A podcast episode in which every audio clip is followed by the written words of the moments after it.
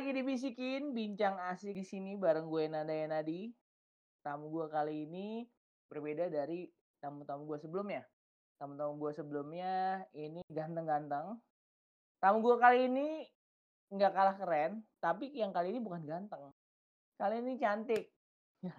yang kali ini menariknya adalah dia sepupu gue dari pihak nyokap kalau sekarang kalau yang sebelumnya pernah gue juga tapi dari pihak bokap. Nah, namanya adalah Vidi Athena Dewi. Mbak Idi, selamat datang Mbak Idi di podcast gue. Nama keren-keren Vidi Athena Dewi jadi Mbak Idi coba ya. Terima kasih. ya kan gue manggilnya Mbak Idi dong. Kan gimana punya Iya lu betul. kakak sepupu. Jadi Iya oke. mau mau sampai kapan pun lu nggak akan nggak akan berubah. Gue akan selalu manggil lu Mbak Idi. Tapi semenjak gua di Jerman nih nama gua udah ganti loh Nan. Eh, jadi apa? Jadi Vidi Athena Dewi Legowo Strip Separer. Kalau nggak diakuin. Wow, sepanjang itu ya. Jadi semua na jadi semua na- nama panjang lo plus nama family tambah nama suami gitu ya. Betul. Tahu nggak dan cerita lucunya waktu mau apply buat kartu kredit di sini sampai ditelepon sama bank, nama Anda boleh kami korting nggak? Karena kepanjangan jadi nggak muat di kartu, keterlaluan memang. Keterlaluan. Iya, itu jadi panjang banget loh, Mbak. Ya apa boleh buat dikasih tiga nama oleh orang tua harus kita jaga semua bukan? Yo, eh, Mbak Edi kan eh, biasanya tamu-tamu tuh gua tuh gua undang karena backgroundnya unik. Nah, Mbak Edi ini menurut gue juga backgroundnya sangat-sangat unik gitu ya. Se- seperti apa uniknya? Nah, gue minta Mbak Edi sendiri jelasin. Mungkin jelasin eh, sedikit dulu kuliah S1-nya apa, S2-nya apa, terus sekarang di mana kerjanya? Jadi gue S1-nya em, teknik sipil di Parahyangan di Bandung. Udah gitu Ya, bareng ya S2-nya. kita. Bareng Be- kita. Sama-sama di. Parahyangan, beda jurusan. Betul. Dan lu sering Mm-mm. banget buat curhat nongkrong di kamar kos gue. Kalau masih inget. Yo, inget lah. Terus Terus S2-nya di Inggris di Nottingham ngambil jurusan Master of Arts Television Journalism. Dan Nah. sekarang gua ada di Jerman dan kerja di Jerman. Kerja di mana tuh? Sebutin dong. Enggak sebut brand Gua gua kerja di Deutsche Welle. Itu kayak media internasional di Jerman kayak model-modelnya BBC di Inggris dan VOA di Amerika gitu. Nah, itu punya Jerman. Hmm, Jadi di situ eh, lu apa tuh? Yang lu lakuin apa sih, Mbak? Membuat berita soal apa? Gue sekarang posisi gue adalah kepala redaksi bahasa Indonesia. Jadi gue mengepalai sebuah tim kecil. Berapa orang Mhm. kita ya? 13 14 orang gitu. Terus kita di sini bikin semuanya. Jadi kalau misalnya buka situs, gue iklan sekalian. Misalnya buka situs dw.com/indonesia itu ada semuanya, ada berita internasional, berita regional, berita lifestyle Jerman. Terus juga semua social media channel, kita ada YouTube, kita ada Instagram, kita ada Facebook, kita ada Twitter, itu semua di bawah gue semua. Itu ngomongin tim kecil ya. Tim kecil yang tadinya gue pikir dua atau tiga orang, ternyata 13 orang. Nggak kecil-kecil amat juga ternyata ya. Soalnya kalau dibandingin sama redaksi bahasa lain itu seperti Cina, mereka tiga kali empat kalinya kita atau bahasa Farsi yang Iran itu juga tiga empat kalinya dari redaksi kita. Jadi kita termasuk Wow. kategori kecil. Wah, Hmm. Mbak, Mbak, yang yang bikin lo menarik buat gue itu adalah lo tuh kuliah S1-nya tuh eh, sipil gitu kan. Terus tiba-tiba Betul. dari kuliah S1 sipil terus S2-nya kan biasanya ke- orang tuh ngambilnya yang nggak terlalu beda jauh sama S1 karena kan dia mau mau ngelanjutin ilmunya yang dia udah pernah belajar kan. Biasanya kan gitu ya. Kayaknya cita-cita awal gue tuh awalnya emang pengen jadi penulis. Terus gue Hmm. mulai mulai nulis-nulis tuh waktu kelas 6 SD, cerpen-cerpen garing gitu deh. Nggak pernah juga dipublish sebenarnya. Terus SMP gue kayak bagian ngurusin apa sih kayak bikin majalah-majalah kecil gitu yang gue fotokopi. Gue terus gue apa istilahnya di apa sih dia dijilid, pasing di clipping ya. Terus gue bagi-bagi buat teman-teman di kelas. Terus pas SMA tuh gue udah mulai yakin banget gue pengen pengen ke arah situ gitu loh gue pengen jadi jurnalis jadi gue juga jadi waktu di 70 gue SMA 70 gue juga kepala lentera itu lentera tuh kayak bagian majalah dan majalah dindingnya SMA 70 itu gue tahu banget gue udah arahnya mau ke situ dan gue pengen Hmm. banget sebenarnya masuk A4 di bahasa karena gue pikir bahasa gue bisa gue Jerman bisa Inggris bisa tapi Nah. terus banyak gue bilang nggak bisa kamu masuk ke A4 kenapa nggak bisa ya udah gitu deh tuh mereka ngancem-ngancem gitu. Jadi pokoknya intinya mereka nggak mau nggak mau support gue kuliah kalau gue nggak kuliah di bidang teknik. Karena hasil IQ test gue nggak tahu zaman lu masih ada IQ test gitu nggak sih di SMA masih masih. ya itu kan di- dikasih tau kan kita arahannya mau mau ke mana gitu sebenarnya. Dan itu memang jelas-jelas banget gue suruh arah-arah kayak A1 fisika gitu ya apa boleh buat ya maksud gue kalau mungkin kayak sekarang gitu kalau gue ngeliat anak-anak gue di sini mereka mungkin kalau dikasih pilihan dan orang tuanya nggak setuju mereka bakal bilang ah bodoh gue jalan sendiri sambil kerja tapi di Indonesia kan kayak gitu nggak kebayang ya jadi Iya, masih betul. masih bergantung Mm-mm. terus jadi ya udah pilihannya mau apa terus ya udahlah apa sih yang nggak yang teknik yang nggak terlalu teknik bayang gue arsitek gitu kan. Tapi masalah gue nggak bisa gambar gitu loh. Tapi gue pengennya jadi jadi terus pokoknya gue nggak lamar di unpar setelah nggak diterima kan di negeri. Terus gue ngelamar di unpar gue ngelamarnya pertama arsitek. Terus pilihan keduanya sipil. Arsiteknya nggak terima terus sampai di sipil. Ya udah dapet. Mm-mm, sipilnya dapat kan berarti kan sekarang yang lo lakuin itu 100% lo adalah mem- mencari berita dan membuat berita gitu ya tentang apa yang terjadi soal Indonesia benar nggak sih? um, I used to do that, tapi sekarang semenjak jadi sejak 2017 tuh gue jadi mengepalai, jadi gue cenderung kayak yang apa ya nge-manage supaya orang-orang itu mencari berita dan mencari narsum gitu loh. Jadi gue cenderung kayak apa ya judulnya kayak gue jadi sekretaris, manajer gitu deh lebih kecenderungannya. Jadi gue udah jarang sekali turun ke lapangan, which I miss very much. Jadi gue kayak tahun lalu gue memaksakan diri ke Indonesia, terus gue turun sendiri ke lapangan supaya gue nggak kehilangan apa sih apa sih alasan gue pertama pengen jadi jurnalis gitu karena em, semakin tinggi posisi lo kalau di bagian jurnalis itu lo kayak lost touch gitu loh sama sama sesungguhnya yang pengen lo lakukan karena Jadi lo banyak banget di belakang meja gitu ya? Betul, gue banyak belakang meja, kerjaan gue meeting, kerjaan gue lobby, kerjaan gue nyari kayak mitra-mitra baru, nganalisa data-data yang masuk, kayak em, kenapa Twitternya kita turun 60%, ayo kita harus bisa ngapain lagi, kayak gitu-gitu. Jadi kayak yang kerjaan jurnalis sesungguhnya udah udah jarang sekali gue lakukan. Oke. Dulu emang waktu kecil cita-cita lo mau jadi juralis nggak sih? Atau apa dulu Gua- waktu kecil? Gue ingat waktu gue waktu gue umur lima tahun, kayaknya gue ngerayain ulang tahun di ingat nggak di TK nenek dulu di Sragen. Jauh banget ya? Terus, terus tapi gue gak akan lupa karena kata nyokap gue jawaban gue aneh banget. Jadi terus ditanya kan, iya Vidi kalau sudah besar mau jadi apa? Terus kata nyokap gue, gue bilangnya gue mau jadi menteri sosial. Wow. Which is insane gitu loh. Tapi ya. Insane sih kalau kalau diingat-ingat gitu kayaknya wow, menteri sosial gitu ya. Ternyata gila umur umur segitu gitu loh. Please deh, iya udah tak mau memalukan. jadi menteri. Soalnya jadi jadi jurnalis ya nggak apa-apa juga sih gitu kan. Mbak, tapi gue penasaran sama pekerjaan lo gitu ya sebagai seorang jurnalis nih ilmu lo waktu S1 di sipil tuh ada yang ada yang kepake nggak sih buat jurnalis ada yang kepake nggak? Yang gue ngerasa beruntung banget, eh, logic, the way of logic thinking ya, karena anak-anak em, A1 anak atau anak-anak menurut gue yang jurusannya teknik sipil, kita terbiasa untuk mikir dengan semua struktur gitu loh. Untuk mencapai tujuan X, kita harus ngelewatin A, B, C, D, E dulu. Jadi nggak nggak dari abstrak gitu. Jadi Hmm. eh, dan itu mempermudah gue gitu. Kayak misalnya gue bikin story buat cerita atau mau apa, gue udah di kepala gue udah ada bayangannya. Oke, gini gini gini gini gini untuk mendapatkan hasil ini. Kayak gitu gitu. Dan menurut gue itu ngebantu gue banget. Dan lagi di sipil juga gue nggak nyari sipil doang gitu loh. Di sipil juga kerjaan gue di bagian divisi komunikasi. Which means gue juga bikin muntutnya bikin majalah-majalah sama juga. aja Tetep ya aja. sama aja Iya, terus selama selama di Unpar gue sempet tuh apa kerja sebentar di radio apa sih waktu itu Para Muda. Tau nggak lo di Para Puncak situ. tahu dong itu Iya, satu pernah- yang gue denger juga dari kosan tuh para muda Iya, terus gue jadi gue kerjaan sana bantu-bantu buat bikin skrip buat para penyiar-penyiarnya. Kayak gitu deh kerjaan gue. Jadi sambil dan gue pernah itu di ikutan lomba jadi presenter televisi buat SCTV di buat yang kawasan Bandung gue juara kedua. Jadi gue berusaha mengisi kekosongan keinginan gue untuk jurnalisme sambil kayak gitu-gitu iya.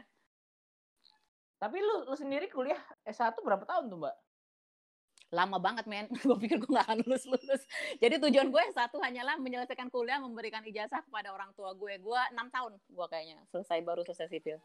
Lama banget? Gue selesainya karena emang gue males banget kerjanya. Gue hanya menyukai masa kuliah gue tuh kayaknya pada saat gue harus nulis tesis itu kayaknya masa paling pada saat gue nulis skripsi tuh masa yang paling gue suka. Karena gue dasarnya suka nulis kali ya nggak ngerti deh gue. Jadi kalau orang lain lu masih ingat tesis lu soal apa Masih dong, itu tentang apa namanya landasan pacu di Bandara Ketaping itu karena banyak Ketapang. risetnya Ketapang dan gue jadi gue masih banyak harus kayak ketemu orang, wawancara Hmm. orang, terus terus yang sidang skripsinya juga gue paling suka karena gue harus mempertahankan apa yang gue tulis dan menurut gue itu kayak tugas jurnalis nggak sih? Itu pokoknya itu bagian yang paling dan kayaknya nilai gue paling tinggi juga cuma di bagian skripsi doang, yang lain kayaknya apa ala kadarnya. Karena emang itu istilahnya udah skill-skill yang dari dulu emang lu udah selalu punya gitu kan, ya presentasi, ya Iya. sumber gitu kan, ya lu udah udah biasa kan Mungkin. jadinya kan. Yang gue tau banyak orang yang komplain kalau kuliah mandek mereka karena skripsinya nggak selesai gitu kan. Dan bagi gue itu yang halo itu maksud gue kalau ada skripsi di depan gue mungkin skripsi duluan gitu baru yang lain karena aduh Jadi kalau deh. Buat lo malah skripsi itu malah the best thing gitu ya, istilahnya pas kuliah best thing paling lu suka kuliah apa? Skripsi. Eh teman-teman Oke. gue ya, skripsi dan teman-teman gue gue ngerasa kuliah sipil itu gue tuh mau apa ya friends for life gue gue gue temuin di situ yang sampai sekarang tuh masih masih kita berlima belas cewek-cewek sipil karena cewek sipil nggak banyak ya jadi dari Betul, 15 itu kita sampai sampai sekarang lu bayangin dari tahun 96 sekarang tahun Hmm. 2020 men dan kita tiap tahun kita masih kontak gitu loh Masih semuanya masih jadi cewek semua kan? 15 15 nya. Semuanya masih wanita dan dan kan kita nggak masih tahu kontak ya. terus Kadang-kadang You'll never know. Iya, you'll you'll never know kayak udah 15 tahun gak ketemu atau 15 orang tadi udah berapa belas tahun gak ketemu kan udah berubah gitu kan kali.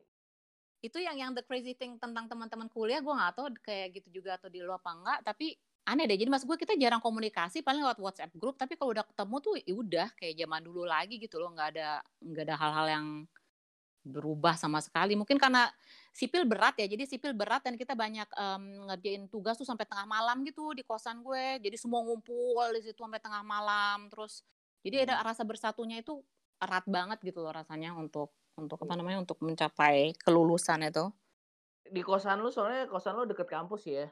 Jadi Betul. tinggal nyebrang. Tinggal nyebrang doang beres. Iya tinggal nyebrang terus ada kayak tempat gitu kan di tengah tempat nongkrongnya gitu Hmm. dengan meja besar ya udah itu semua numprak gitu semua ala kegiatan sipil juga di situ semua anak-anak makanya gitu Mbak, kalau kalau lu sendiri tuh lu lebih suka nyebut diri lu tuh apa sih? Jurnalis kah, editor kah, wartawan atau apa biasanya lu? gila ini tema tema ini sering gua jadi gini ya jadi kita tuh di Deutsche Welle tuh kayak kalau pagi kita ada rapat bareng antara kepala redaksi terus antara kepala redaksi itu kita biasanya habis selesai rapat terus kita jalan bareng kan ke ruangan kita masing-masing. Terus sambil jalan bareng tuh kita sering banget tuh tema yang tadi lu tanya. Jadi kita ini kita apa ya sekarang? Apa pos apa sih jabatan kita apa? Jadi kalau sekarang kebanyakan mereka menyebut diri mereka adalah kayak administratif tau nggak? Jadi gue nggak berani lagi nyebut diri gue jurnalis karena I haven't been writing my own piece for a long long time gitu loh. Jadi agak sulit bagi gue gue selalu men- menyebut diri gue wannabe author itu kayak di twitter akun gue juga gue selalu karena itu Wannabe wannabe, which, author, which oke. ya which is I haven't done jadi itu kayak masih masih long term impian gue deh suatu saat jadi so um, I Kalau- might be a bit of ya Hmm, kalau lu bilang itu long time dream, berarti suatu saat lu akan berusaha mewujudkannya dong. Iya, target gue tuh kayak waktu gue abis melahirkan tuh bayangan gue, gue punya waktu untuk nulis karena kalau di Jerman kan abis melahirkan itu kita punya masa cuti selama 14 bulan yang dibagi sama Mm-mm. suami. Dan selama 14 bulan itu kita dapat gaji hampir 70%, jadi nggak nggak masuk Wow. kantor tapi lu hanya ngurus anak doang. Nah bayangan gue tuh semasa itu tuh gue bakal, uh gue bakal nulis tapi ternyata punya anak tuh repot ya. Jadi jadi yang kayak cita-cita yang kayak gitu-gitu tuh nggak nggak nggak belum terwujudkan itu di di tangan gue terus gue pikir ya udah anak gue udah gede gue mulai. Taunya datang anak kedua. Terus habis anak kedua tuh datang posisi ini kan posisi jadi kepala redaksi. Jadi belum. Tapi itu something to do before I'm 50 lah. Gue masih punya waktu 8 tahunan buat mulai menulis sesuatu. Jadi ketahuan nih umurnya. aduh ya I'm old Ya man. udah, ya udah lah ya. iya Eh, pasrah Mbak, saya Kalau lu ya, lu kan menurut gua agak agak lumayan gimana ya di di keluarga juga eh, bokap nyokap kan juga bukan bidangnya beda banget gitu ya. Mereka kan orang teknik gitu kan.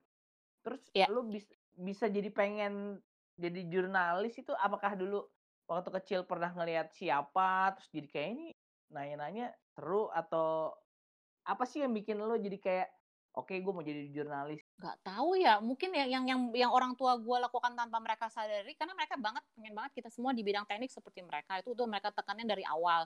Itu kalau lo mau tahu di pintu kamar kita dulu di rumah yang Cidodol itu penuh dengan stiker-stiker ITB karena mereka dua-duanya julusan ITB nggak tuh mereka ngarap supaya kita masuk ITB semua kali ya tapi buntutnya tiga-tiganya nggak ada yang masuk ITB ITB ya. Iya yang yang orang tua gue lakukan adalah mereka itu gila buku dan mereka itu menanamkan itu ke jiwa raga kita gitu loh. Jadi kalau misalnya weekend gitu orang lain mah apa kayak ke mall buat ngapain atau ke bioskop atau jalan-jalan ke taman atau ngapain mereka selalu bawa kita ke toko buku dan kita boleh milih buku.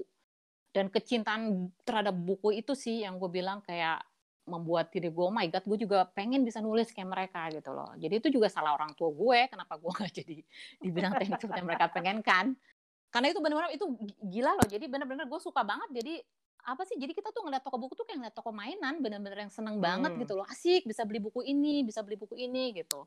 Dan ini belum berhasil gue tanamkan di anak-anak gue gitu loh. Gue lagi berusaha hmm. sekarang uh, sebelum corona kemarin gue berhasil tuh yang kecil. Jadi kita kayak ada di sini ada kayak city library gitu yang gede banget terus buku-buku banyak dan dia itu tergelitik sekali. Jadi dia juga kalau kita ke sana tuh bagi dia tuh kayak toko mainan terus corona ya tutup deh library-nya sampai sekarang jadi belum bisa gue bangkitkan lagi Nah, uh, kalau dari masa yang waktu itu ya, waktu waktu waktu waktu masa kecil lu itu, lu ada inget nggak sih kan lu jadi suka buku, ada yang lu buku apa, ada nggak yang lu inget banget dan lu baca sampai habis? Even lu mungkin apal gitu? Apal sih enggak, tapi yang uh, nggak akan gue lupakan dan masih gue cari sampai sekarang buat anak-anak gue, gue nggak tahu lu ngalamin bacanya apa enggak itu loh, wayang-wayangnya era Akosasi. Kayak Arjuna, Arjuna Sastra Bahu, Ramayana. Oh my god, I love it baca, so much. Baca baca dulu. Tapi udah Iya, itu nggak tahu itu sih tuh sekarang. Itu gue baca waktu gue di Jerman. Jadi dulu tuh um, selalu kita disuplai gitu. Jadi kalau ada yang nengok kita pasti mereka bawa buku-buku wayang tebel gitu loh. Dan lu kebayang gak sih gue di Jerman baca-baca buku kayak gitu itu benar-benar bagi gue itu kayak untuk ngelihat ini nih rumah gue gitu loh. Jadi gue di negara hmm. orang tapi gue baca baca itu dan gue masih obses buat nemuin itu buat anak-anak gue yang gue tau terakhir mereka kayaknya bikin dalam versi modern dan versi berwarna tapi gue belum nemu lagi. Hmm wayang ya ternyata ya yang hmm. jadi bikin lo penasaran ya. Iya aneh ya nggak masuk akal. Tapi itu benar-benar itu kecintaan gue sebelum gue beralih ke yang mangga-mangga gitu sebelum gue beralih ke Conan atau apa gitu itu awalnya si Ramayana itulah yang bikin gue obses mungkin. Ramayana aja atau Mahabharata juga Mahabharata, Ramayana semuanya. Bagi gue kan itu ceritanya juga kayak di sini uh, redaksi Indonesia itu kita tetangan sama redaksi India dan dari mereka juga gue banyak dapat cerita-cerita menarik tentang Ramayana dari versi mereka gitu. Jadi influence-nya kencang sekali ya terhadap terhadap cerita-cerita itu. Hmm. Oke okay, oke. Okay. Mbak, uh, lu kan pasti udah pernah interview banyak narasumber dong. Mau ya. baik lo baik lokal walaupun internasional ya kan.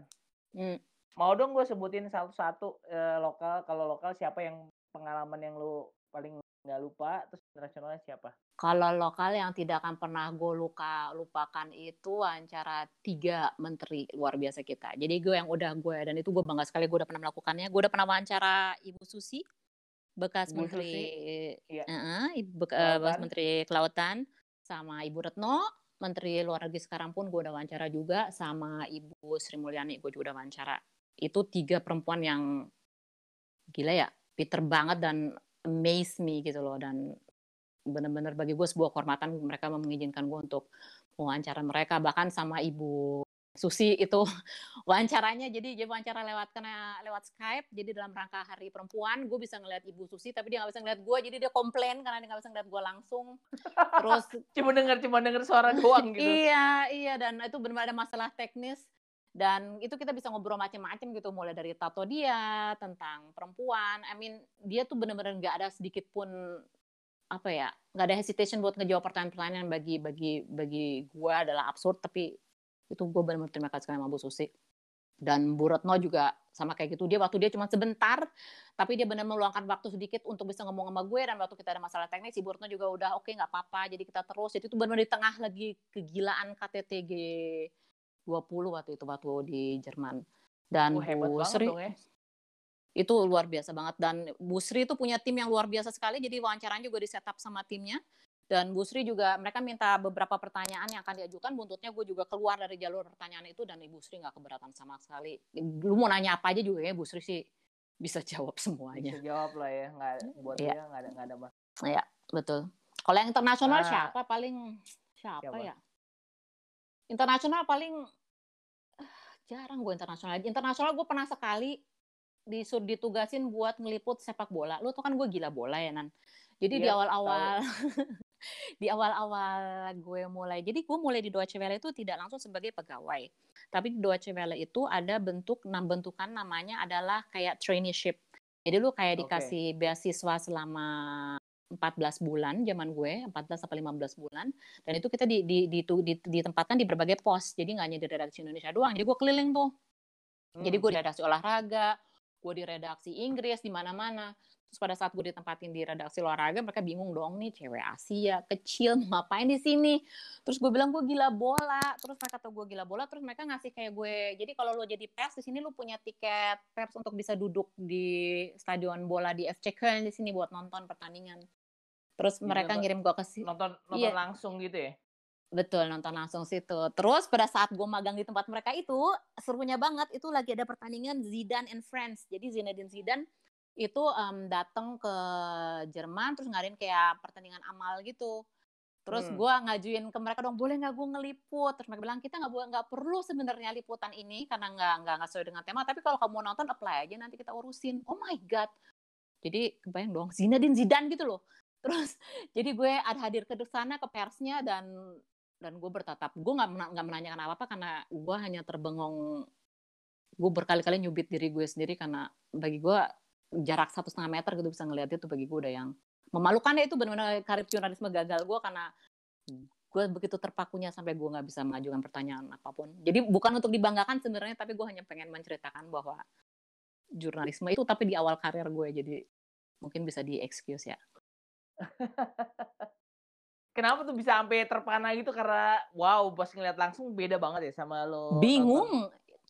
Iya lu lu pernah starstruck nggak sih? Jadi yang kayak Hmm. terus terus semua tuh tiba-tiba kayak kayak kayak fuzzy gitu loh. Kayak ini ini ini real nggak sih? Gitu. Kayak kayaknya nggak mungkin banget gitu loh gue bisa ngeliat gitu. Dan maksud gue kalau gue nonton di stadion gue ngeliat di jauh jarak jauh oke lah ya. Tapi dia tuh depan mata gue gitu loh. Jadi beberapa kali sih gue starstruck starstruck itu waktu gue ngeliput kayak Quincy Jones itu di apa sih waktu itu di apa, Montreux Jazz? Jazz Festival ya Oh, enggak di Montreux. Montreux ya di Oh, Montreux Jazz Festival itu ya? bagi iya waktu itu juga gue juga yang ya, banyak banget momen-momen kayak gitu yang yang bener-bener aduh Tuhan gitu bersyukur sekali gue ada di tempat itu Mbak ngomong-ngomong ya, eh, lu bisa bahasa bisa berapa bahasa sih Mbak?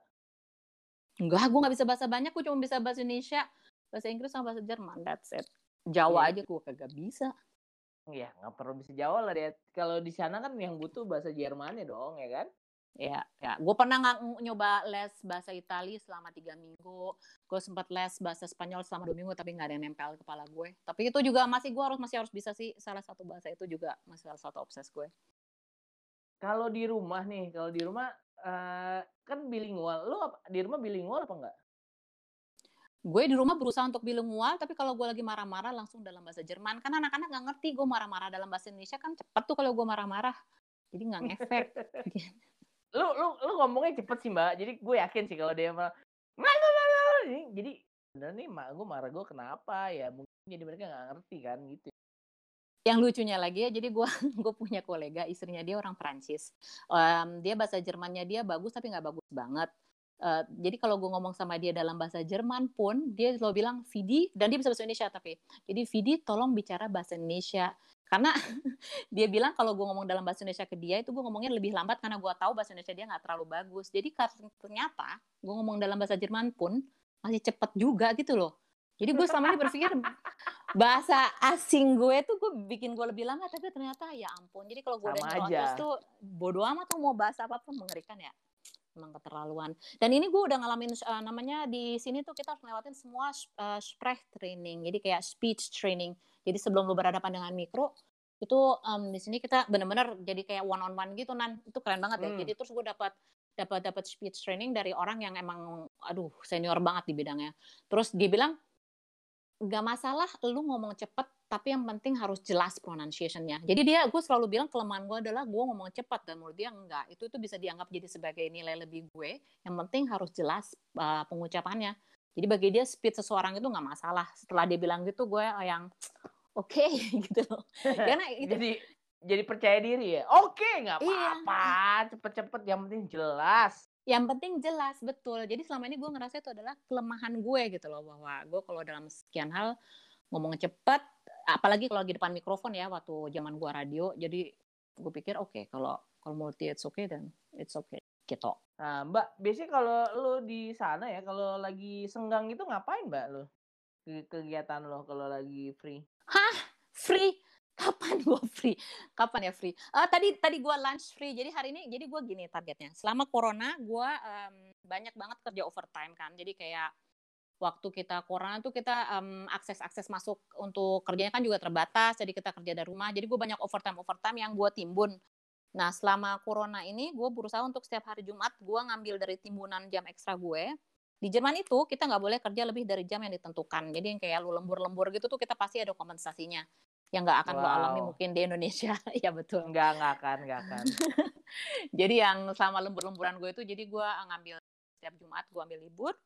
Dan di hari libur itu kalau gue nggak ngelakuin sesuatu dengan anak gue entah bikin tadi dia minta bikin donat tapi kita baru sadar ternyata susah bikin donat. Jadi adonannya tuh butuh waktu berjam-jam jadi nggak akan hasil tadi gue siang ketemuan lunch um, farewell lunch dengan sahabat gue di orang Italia dan dia minggu depan pindah ke kota. Jadi gue berusaha menghidupkan kehidupan sosial gue di hari-hari yang gue lagi off deh. Jadi gue selalu ada masa-masa momen gue keluar dan me time gitu loh. Karena bagi gue me time itu penting dan itu banyak banget emak-emak yang gue tahu lupa bahwa me time itu penting. Maksud gue hidup kita emang buat anak tapi penting untuk menemukan jati diri lo sendiri sebagai diri lo doang gitu. Dan itu yang sedang gue berusaha terus lakukan setelah mulai ada pelonggaran-pelonggaran di Jerman dan kita bisa ke restoran-restoran lagi.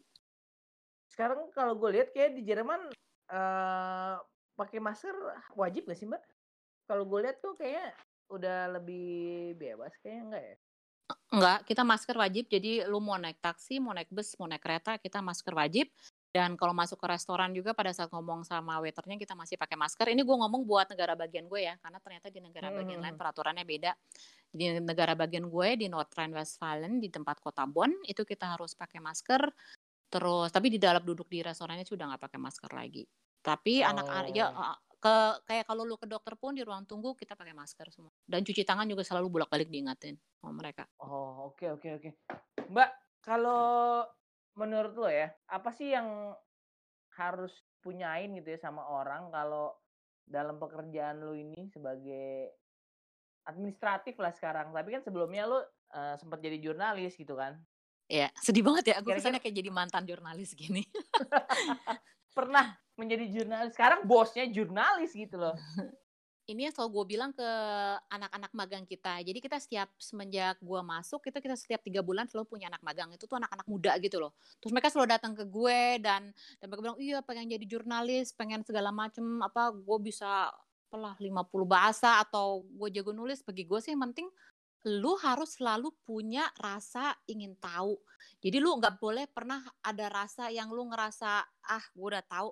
Kalau lu ngerasa diri lu yang paling pintar sedunia itu lu nggak cocok jadi jurnalis. Jadi kan ada kayak jurnalis yang ngerasa diri mereka paling pintar menurut gue itu jurnalis yang salah. Jurnalis yang yang bagus itu jurnalis selalu yang pengen ingin terus belajar yang nggak takut buat mencoba hal baru gitu loh. Kayak trial and error itu bagi gue adalah jurnalis yang bener jurnalis itu orang yang nggak takut buat ditaruh di desa A yang lu nggak kenal dan gimana lu cara survive itu bagi gue adalah jurnalis kalau jurnalis yang harus mikir tiga kali sebelum gue kirim ke satu tempat bagi gue itu udah hmm, gue udah udah mulai yang skeptis masa sebelum corona ya.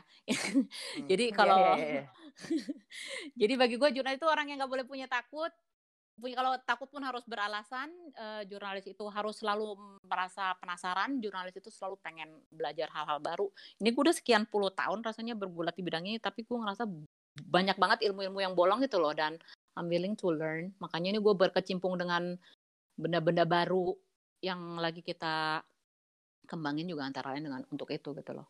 Hmm. Dan nggak takut untuk untuk dibilang kalau uh, feedback ya. Jadi jurnalis-jurnalis di sini gue lihat jurnalis-jurnalis senior terutama mereka berat sekali menerima kayak feedback atau kritik dan menurut gue uh, istilahnya kalau di Jerman feedback kultur, jadi budaya feedback itu masih harus digiatin lagi Iya, iya, ya. padahal feedback tuh kalau kita bisa ambil yang bagus-bagusnya kan bisa buat self improvement kita juga ya sebenarnya.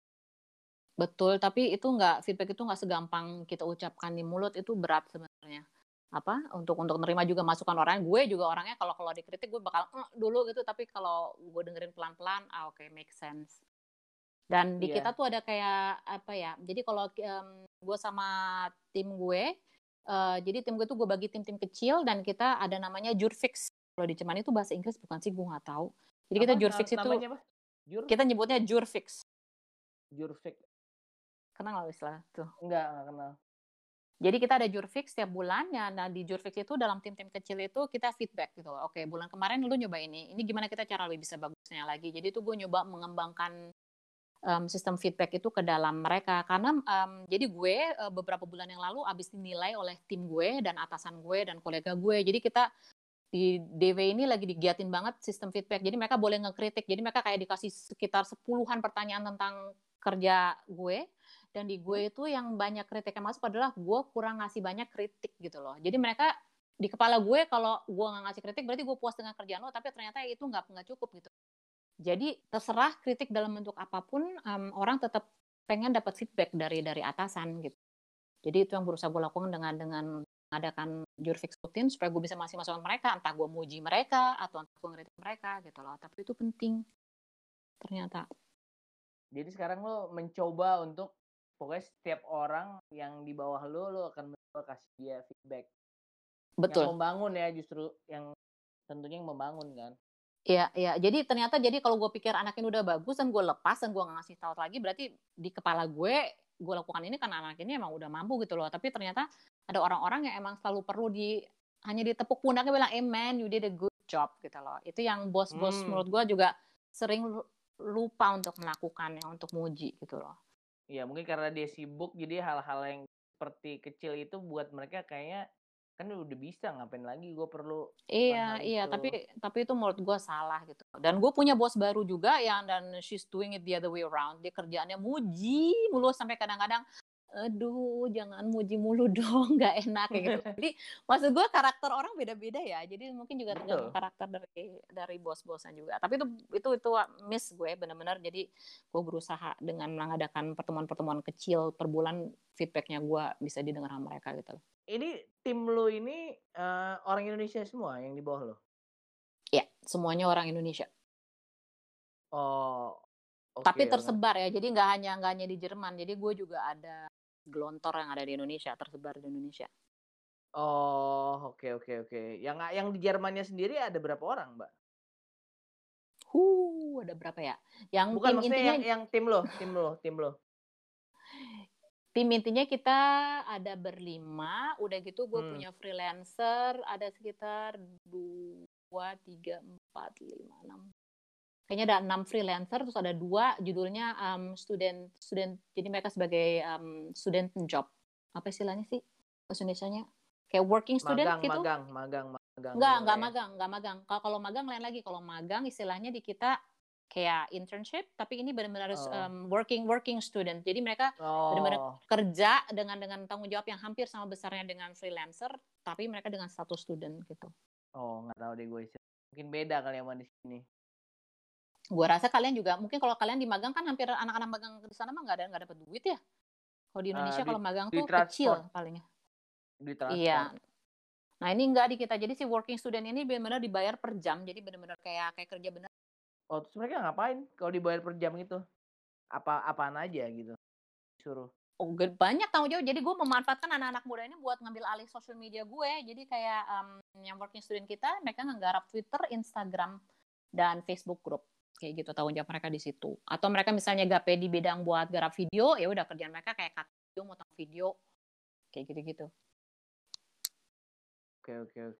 Karena nah, jurnalisme sekarang nggak hanya terbatas itu nan. Apa satu lagi yang pengen gue omongin uh, jurnalisme itu sekarang itu nggak hanya terbatas dari nulis dan wawancara doang gitu loh. Kan kayak sosial media itu juga menjadi bagian dari tanggung jawab kami gitu loh. Jadi itu betul, kerjaan betul. yang mungkin bukan kerjaan jurnalis tapi are social media journalist gitu loh yang juga bagian daripada kerjaan itu Iya, soalnya kan sekarang kalau dilihat ya rata-rata kalau ada breaking news apa-apa orang malah sekarang ke Instagram perginya. Oh ya? Iya kan? Kadang-kadang yang duluan kayak CNN atau kalau di Indonesia mungkin ada Tirto, ada Kumparan, ada Detik gitu kan mereka nggak lama langsung terus nongol biasanya di Instagramnya mereka. Karena itu yang tercepat ya, jalur tercepat untuk menyebarkan informasi. Karena kalau untuk masuk ke TV kan susah kan, jadi masih nunggu. Gue dulu juga pernah di TV lama dan nggak lama sih pernah di TV juga dan itu ribet gitu loh prosedurnya sampai bisa tayang itu kan. Tapi at buat sosial media kita bisa keluar duluan. Karena sosial media kan bisa keluar duluan kalau misalnya salah tinggal di take down. Ya walaupun itu mungkin udah udah ada orang yang screenshot gitu ya cuman kadang-kadang kan yang dicari tuh cepet kan. Duluan yang duluan siapa sih yang pertama kali? Betul ya.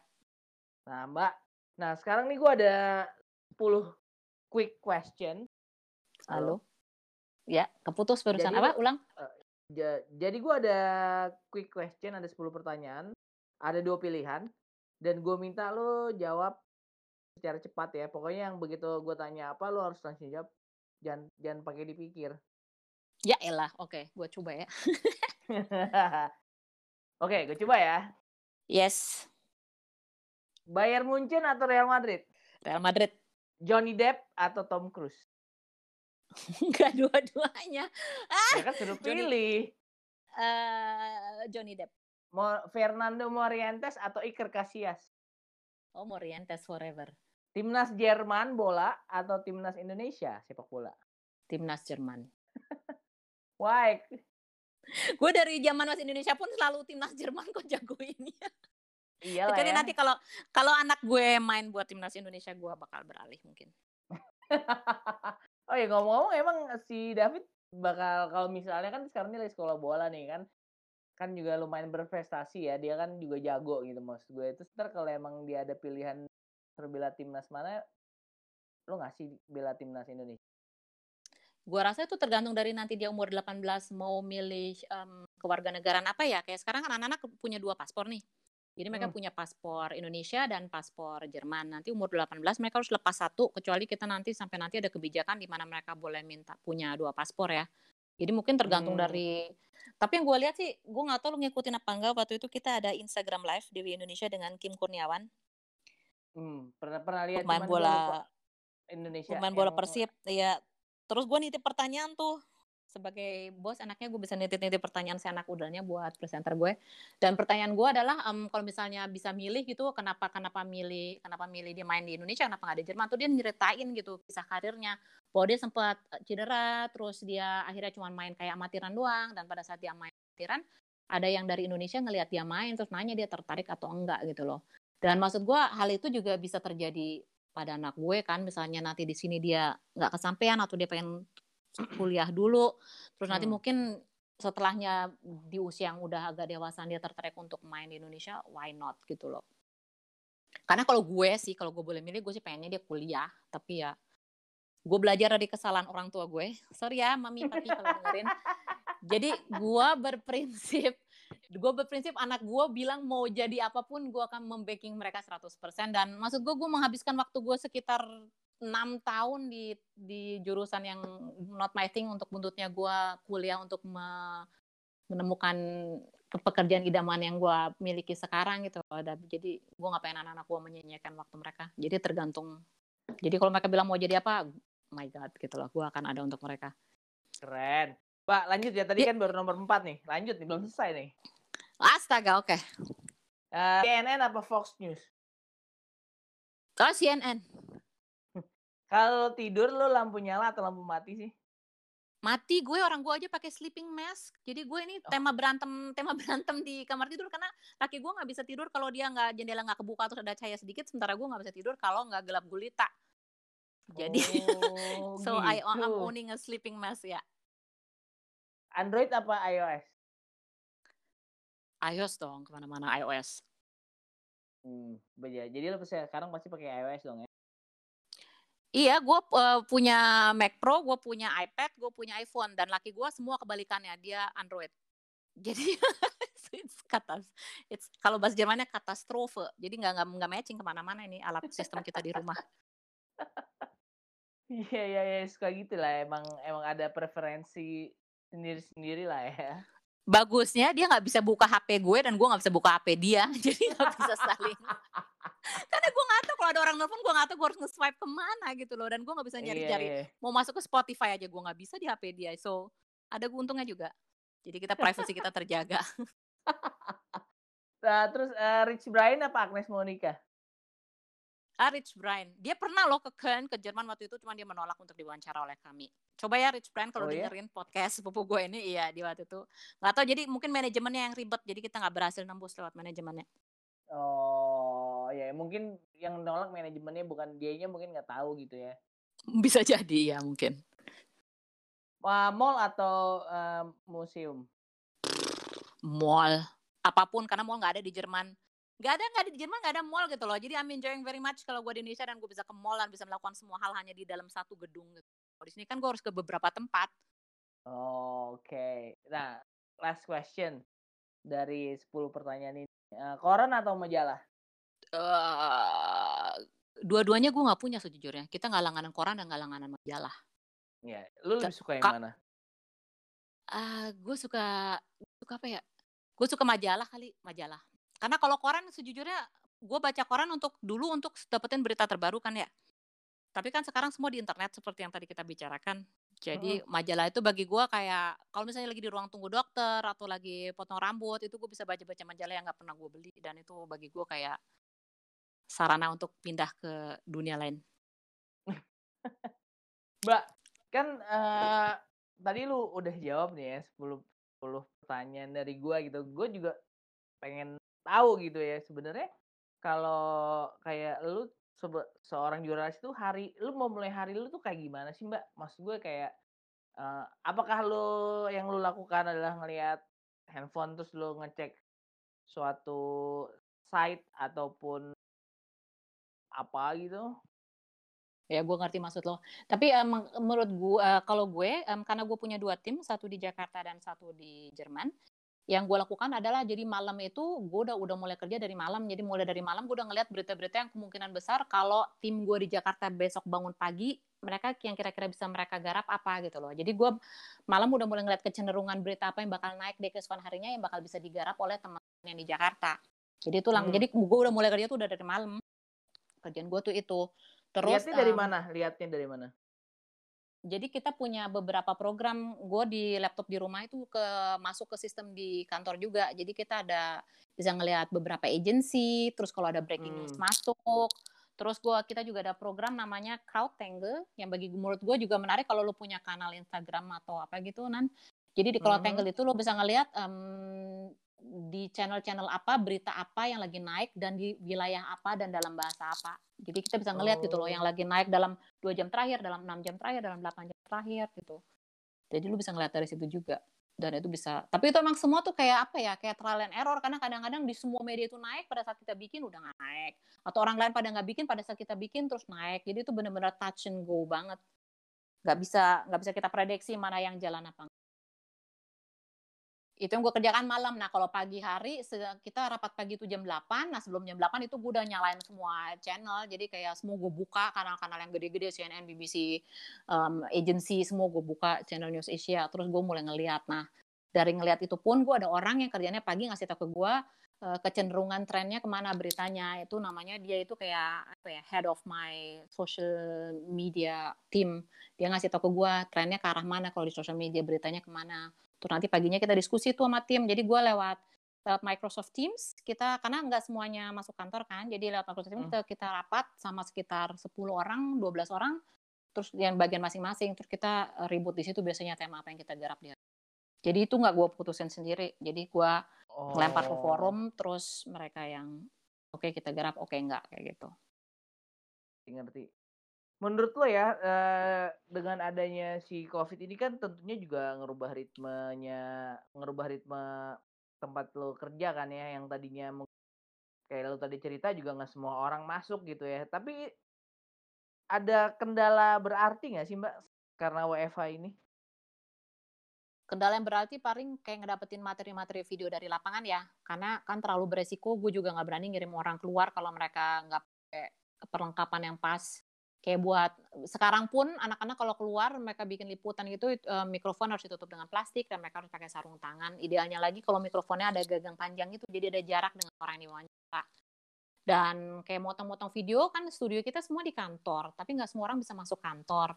Kayak ada satu orang yang biasanya motong buat kita dia susah ke kantor karena harus stay at home karena TK anak bayinya juga tutup dan dia dianggap beresiko karena punya bayi di rumah juga tapi kantor gue bergerak cepat. Jadi mereka waktu itu langsung bisa menyuplai orang-orang yang membutuhkan itu dengan um, Premiere to Go yang tersambung dengan sistem ke kantor gitu loh. Jadi mereka punya Adobe Premiere mereka bisa motong dari rumah dan tetap kesambung dengan sistem kantor. Dan itu gue salut banget sih.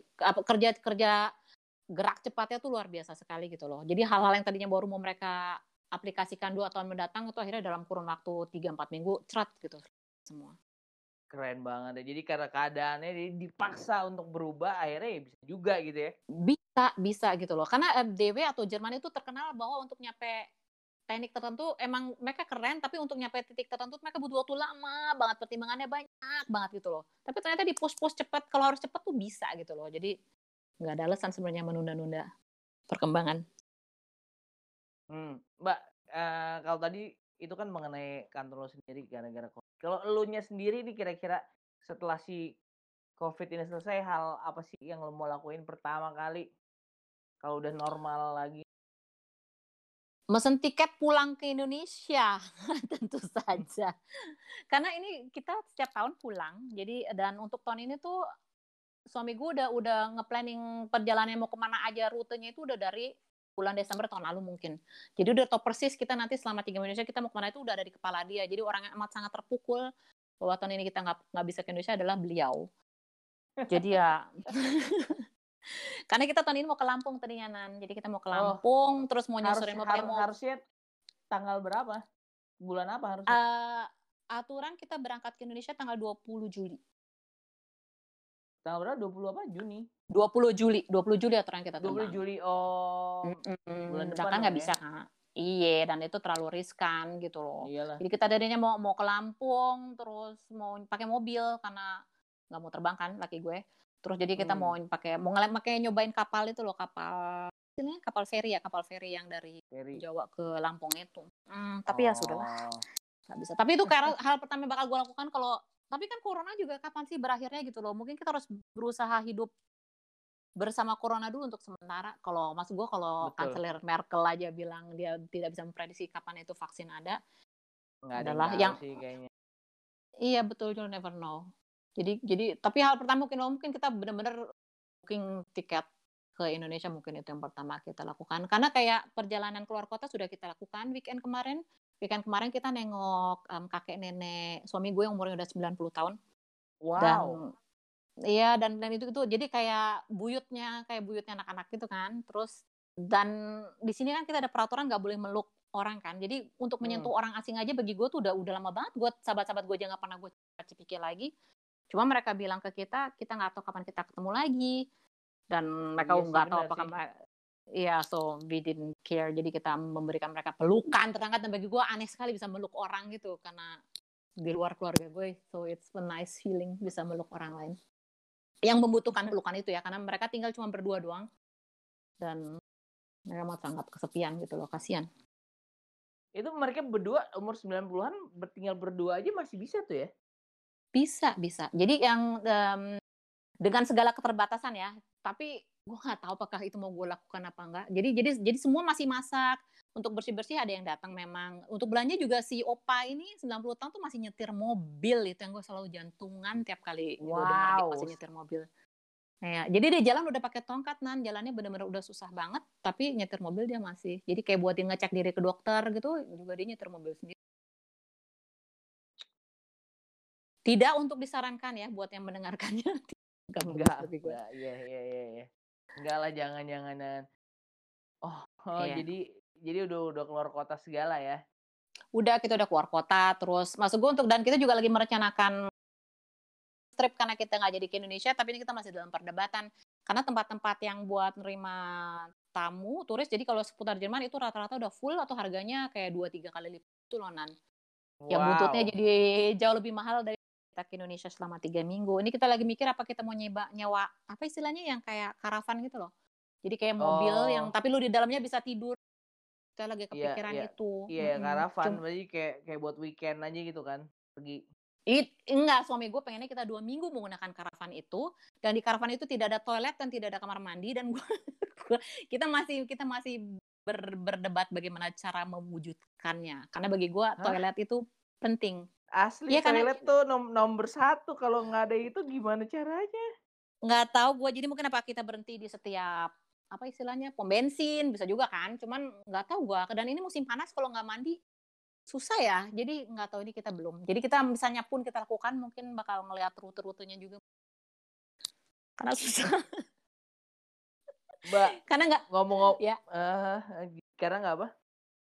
Karena mesti lo bayangin kita ini udah di rumah terus dari bulan apa ya dari bulan awal Maret kan jadi udah lama Iya. sekali jadi dan gue nggak kebayang anak-anak selama musim liburan 6 minggu ini mereka harus stuck di rumah lagi juga kan kasihan kan jadi at least kita harus melakukan sesuatu tapi kita belum menemukan solusinya Iyalah, pastilah nggak usah di sana, di sini aja juga begitu. Udah ngomel mulu di, Iya. rum- di rumah terus ya kan.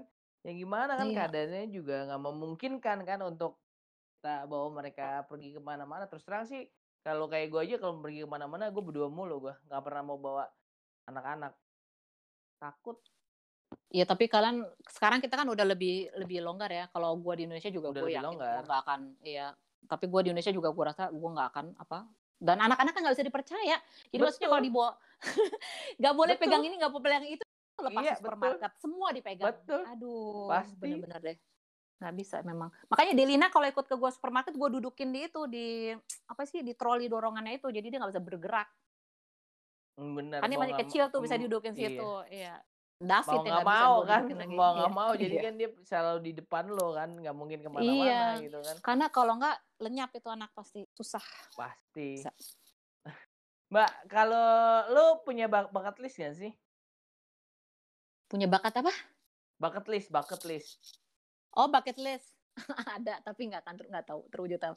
Bucket list gue hmm, Eh, apa dong? one of them is No- one one of them is bungee jumping sama paragliding dari itu loh yang loncat dari loncat dari pesawat yang berdua sama orang itu loh. Tandem apa Iya. istilahnya tandem tandem. tandem. Ya sama bungee jumping. Dua hal itu sih yang pengen gue lakukan karena gue takut ketinggian. Mhm. jadi gue pikir mungkin sebelum gue mati I would do that you know. Jadi kalau gue meninggal setelahnya at least I've done that tapi gue niatnya sih pengen sama suami gue cuman dia juga takut ketinggian dan gue belum berhasil mewujudnya ya maksud gue kalau mati mati bareng gitu loh. Tapi sepertinya tidak akan terwujud. Mati-mati bareng Romeo and Juliet banget ya. Iya tapi harus nunggu tua banget mungkin. Kalau udah 90 jadi anak-anak miss us. Jadi jangan di usia-usia sekarang. Ya kali di 90 mbak orangnya juga takut. 90 mau terbang nih yang bener aja. Nggak ada kolega gue soalnya dia ulang tahun ke 45 apa ke 50 dia dia terbang itu loncat dari pesawat dan nunjukin gue video dan dan foto-fotonya. Oh keren banget. Iya ya kan lima, 50 kan nggak 90 kan? No no no 50 he was 50 ya ya, ya. iya 50 oke lah. Kalau 90 kayaknya nggak mungkin deh. Nggak mungkin ya? Aneh aja. Eh, tapi that's one of my bucket list. Doing something gila yang I would do as a sane person gitu loh. Itu sesuatu yang Iya iya iya. iya. Mbak, Kak, kalau lima tahun dari sekarang apa sih yang mau lu capai? which is how old am I gonna be Eh, lima tahun dari sekarang hmm, Yep. lima tahun dari sekarang dalam bidang karir Karir boleh, ya keluarga boleh.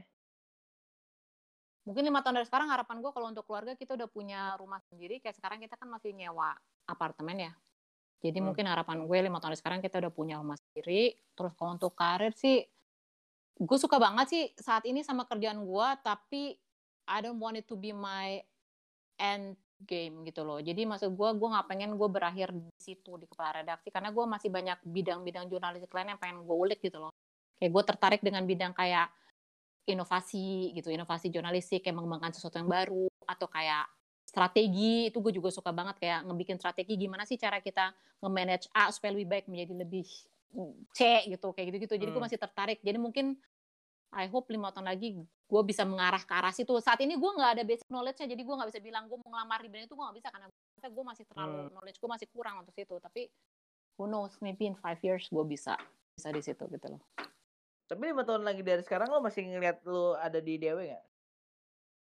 I think so karena DW itu Hmm. bagi gue tempat gue DW itu kebayang sih jadi gue dari kecil gue ngerasa dari umur gue di DW itu udah dari tahun 2005 wow. Dan tempat itu mengizinkan gue berkembang gitu loh dan itu nggak banyak tempat yang kayak gitu sih di kepala gue ya. Jadi eh, gue bisa berkembang menjadi sosok yang lain dari dalam satu instansi gitu loh bayangin deh. Jadi benar-benar gue dari mulai belajar gue gue ngendon di berbagai tempat terus gue mulai dari jurnalis em, junior banget sampai sekarang gue jadi kepala redaksi gitu jadi tempat itu mengizinkan gue untuk untuk berkembang dan it give me wings jadi harapan gue sih mereka juga bakal mengizinkan gue untuk melebarkan sayap gue di luar em, hanya redaksi Indonesia gitu loh. Jadi kayak gue mengembangkan sayap gue di tempat lain. amin amin amin amin Amin.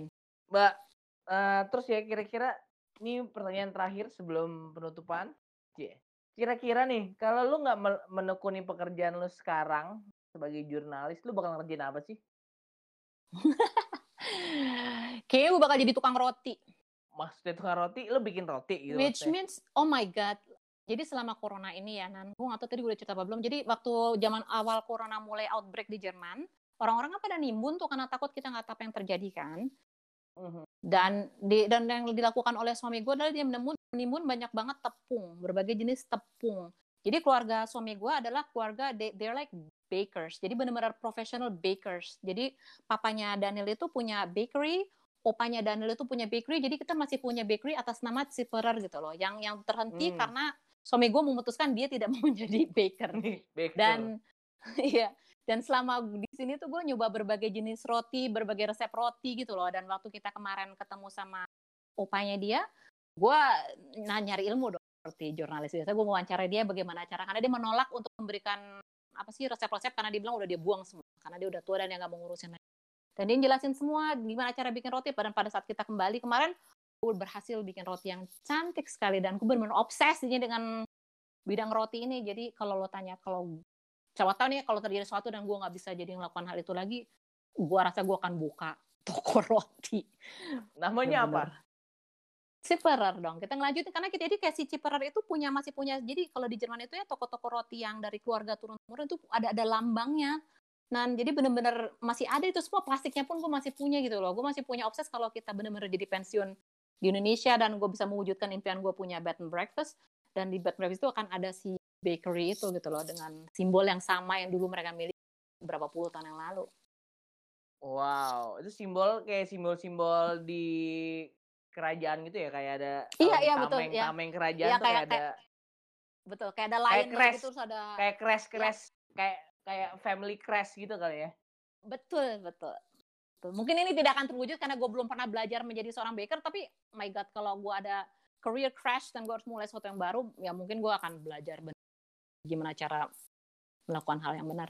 Karena itu itu seru banget loh, Nan. Jadi benar-benar ngelihat bagaimana sih kegagalan lo dari roti pertama sama anak-anak bilang ini batu sampai mereka bilang ke gue, "Mama ini rotinya enak banget." Oh my God, itu setelah 20 roti kali itu kali baru mereka kemarin. So it's a nice feeling to have bener-bener obses gue. nah mbak eh, kan udah udah udah udah abis semua nih ternyata nggak berasa juga ya udah udah cukup udah kurang lebih udah satu jam lah kita ngobrol lah ya Sejam ya nggak kerasa gila. nggak kerasa ya mbak Ya. sebagai penutup eh apa pesan-pesan lo buat pendengar-pendengar gue kalau misalnya buat mereka yang ada obsesi mau jadi jurnalis atau ada pesan apa yang mau lo kasih ke mereka boleh dong Pesan gue sih kalau lu emang pengen jadi jurnalis, lu nggak usah kuliah jadi jurnalis. Jadi jurnalis itu benar-benar datang dari pengalaman dan seperti yang tadi gue bilang, kalau lu nggak takut untuk mencoba hal yang baru dan selalu tergelitik untuk mengalami hal baru setiap harinya, itu tuh udah di dalam darah lo. Dan jangan biarkan hal-hal seperti yang gue lakukan tujuh tahun kuliah satu yang lain dulu menginginkan impian lo untuk mencapai itu gitu loh. Karena karena everything is possible gitu. Halo, gue insinyur sipil, tapi gue bisa sekarang jadi kepala redaksi dan mungkin kelak bisa menjadi pemilik toko roti. Jadi maksud gue enggak everything everything is possible. Gue gue gue benar loh, gue percaya sekali dengan kalimat itu bahwa everything is possible gitu loh. Yang impossible itu hanya terjadi kalau elunya tidak mau gitu. Impossible itu ada cuma want it to be possible. Tapi semua itu mungkin.